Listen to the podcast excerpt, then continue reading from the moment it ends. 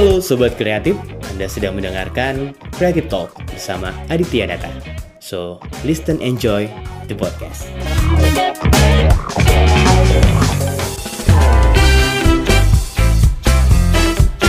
Hai halo Sobat Kreatif, berjumpa lagi di Creative Talk, host by me, Aditya Nata. Dan hari ini kita tidak mengundang narasumber, seperti biasa ngobrol-ngobrol bareng, pengalaman mereka apa saja, kita ambil ilmunya. Tapi hari ini kita akan membahas kelanjutan terkait dengan event organizer. Oke. Dan pastinya juga mudah-mudahan sobat kreatif yang mendengarkan disehatkan badannya, dikuatkan tubuhnya karena ya kita tahu isu pandemi mulai semakin naik lagi nih di awal-awal bulan ini. Tapi nggak apa-apa, mudah-mudahan kita semua sehat selalu. Nah, di event organizer kali ini, di episode kali ini, aku akan membahas terkait dengan bagaimana kerja sebuah event organizer ya.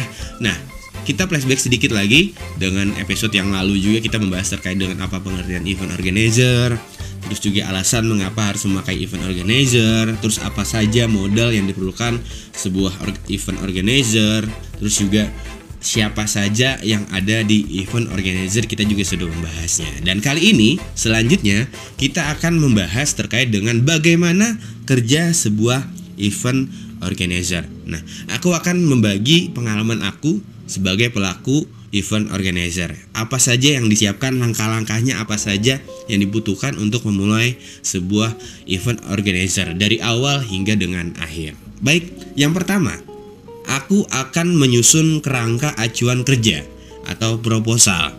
Dari entah itu dari klien atau dari kita sendiri kita perlu sekali konsep event kita.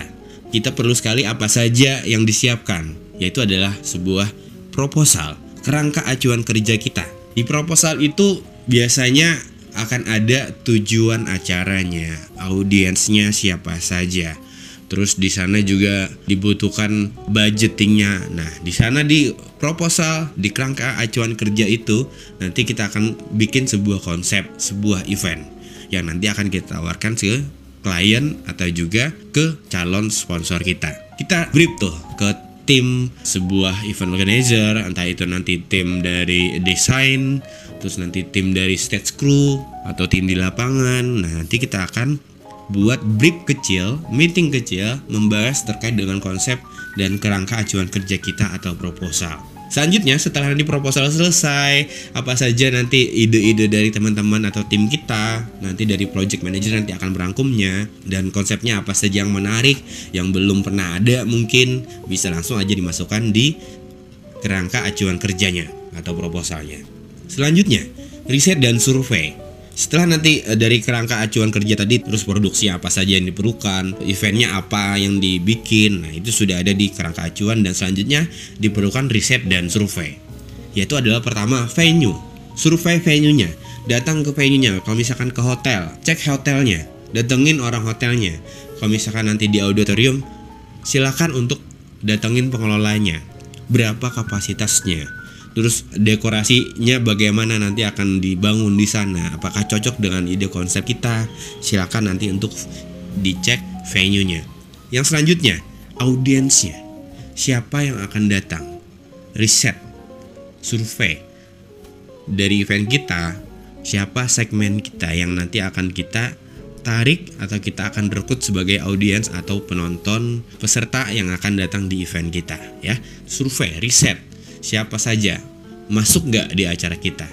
Nah, itu adalah salah satu untuk menargetkan audiens kita.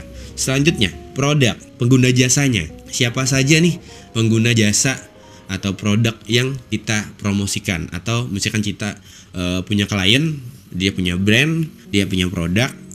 Kita lihat juga nih kalau misalkan nanti dari klien aku pengennya uh, produknya uh, atau pengguna jasanya yang ini ya. Nah, jadi kita sudah tentukan tuh siapa eh, pengguna produk atau pengguna jasa kita. Selanjutnya, kompetitor. Dilihat juga nih kalau misalkan kita lagi ngerjain sebuah program atau event klien atau sebuah brand, kita lihat kompetitornya siapa. Kita lihat, kita riset, kita survei. Oh, dia nih kayak gini nih promonya. Kita harus lebih dong pastinya dari kompetitor dari brand tersebut ya. Selanjutnya, value atau impact dari acara tersebut, entah itu ke klien atau juga ke audiens. Itu juga kita perlu survei rancangannya, ancang-ancernya, ancang-ancangnya. Kalau misalkan kita punya ide tersebut, impactnya bagaimana ke klien dan juga audiens, experience-nya bagaimana ke audiens. Itu juga kita perlu punya riset dan survei juga dari semua tim yang kita punya di event organizer. Selanjutnya, desain produksi. Nah, ini nih. Setelah tadi uh, kita punya brief juga ke tim, kita sudah riset juga venue, audiens, produknya, kompetitor juga kita survei. Selanjutnya kita akan desain produksi yang pertama, tema yang kita perlukan. Ya. Temanya apa? Sesuai dengan e, permintaan klien kah atau kita ajukan temanya ke klien itu juga boleh ya. Sesuai dengan produknya juga atau brandnya. Terus talent, pengisi acaranya. Siapa yang nanti akan mengisi acara di sebuah event kita? Sesuai dengan permintaan klien kah? Atau kita mengajukan untuk talentnya ya pengisi acara. Terus konsep artistiknya, desain, layout, rundownnya bagaimana uh, step by stepnya acaranya waktu ke waktu. Itu juga harus kita konsep. Biar nanti juga mungkin ada gimmick-gimmick yang nanti akan kita masukkan di acara kita. Didesain dengan serupa untuk nanti di saat nanti show itu audiens klien akan uh ini keren nih acaranya sesuai dengan konsep yang diinginkan atau experience yang diharapkan oleh audiens tersebut terus equipment apa saja perlengkapan yang diperlukan di acara itu juga harus diingat atau harus difokuskan ya. Jadi mungkin dari tim lapangan atau tim produksi juga harus menyesuaikan dengan kebutuhan eventnya tersebut, equipment. Communication, communication ini perlu. Entah itu nanti ke tim, ke klien, terus juga ke pro, ke tim produksi, komunikasi juga penting. Apa yang diperlukan lagi, apa yang kurang, apakah ini sesuai dengan uh, rundown acara, apakah ini perlengkapannya sesuai dengan acaranya, itu juga harus kita komunikasikan. Salah satunya dengan brief, meeting internal atau juga dengan klien, ajak klien juga bergabung di meeting kita, komunikasikan sampai mana persiapan acara kita. Terus planning, siapkan planningnya. Dari awal sampai dengan akhir. Persiapan promosi persiapan produksi itu juga harus didesain harus juga dicatat harus juga dibikin planningnya apa saja. Oh tanggal sekian kita harus sudah mulai persiapan loading equipment terus eh, tanggal sekian produksi sudah mulai tuh promosi publikasi eh, menggandeng media partner bikin review liputan juga di media koran atau juga media online. Silakan planning kan sampai dengan nanti eh, acara berakhir. Ya planningnya sudah ada tuh. Selanjutnya estimasi biaya. Apa saja yang sudah mungkin apa saja yang harus disiapkan biaya-biayanya? Tadi produksi segala macam terus juga konsumsi hire orang vendor itu juga harus disiapkan estimasi biayanya sebagai desain produksi kita. Jadi dia tema talentnya siapa terus rundownnya bagaimana alat-alat apa saja equipment yang diperlukan komunikasikan juga ke klien atau juga ke tim kita biar nanti bikin juga meeting-meeting kecil atau secara internal atau dengan ajak klien bergabung di meeting itu.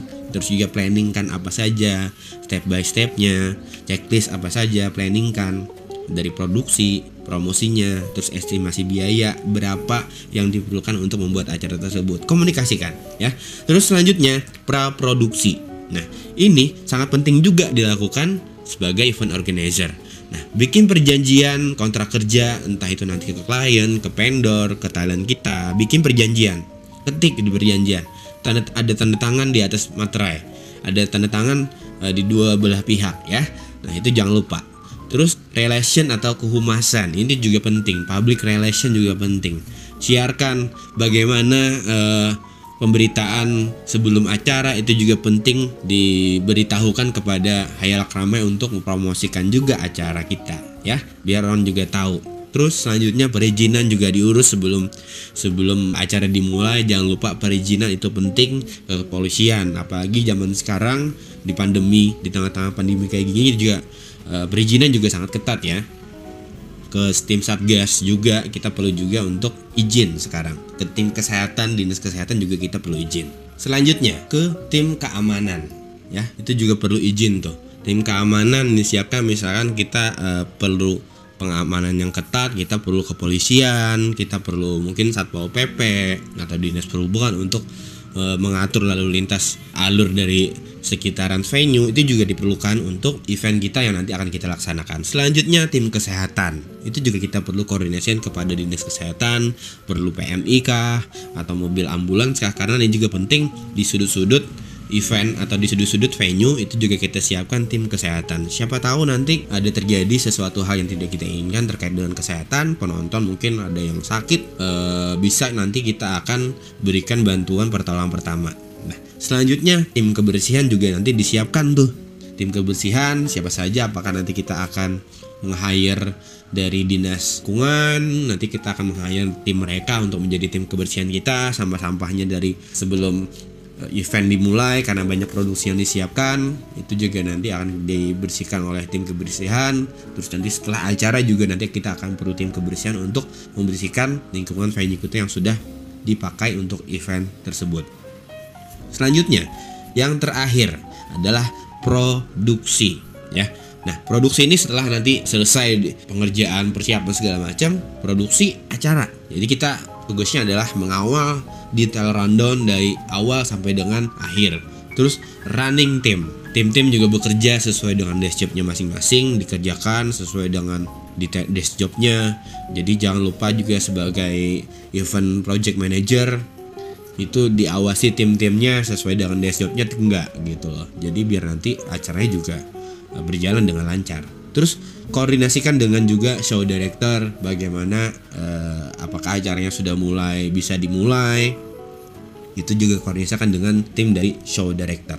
Terus pengawasan acara juga perlu event manager. Kalau aku biasanya aku akan mengawasi semua lini tim di venue itu entah itu dari runner, logistik, terus juga dari stage crew, show director, koordinasikan melalui HT ya.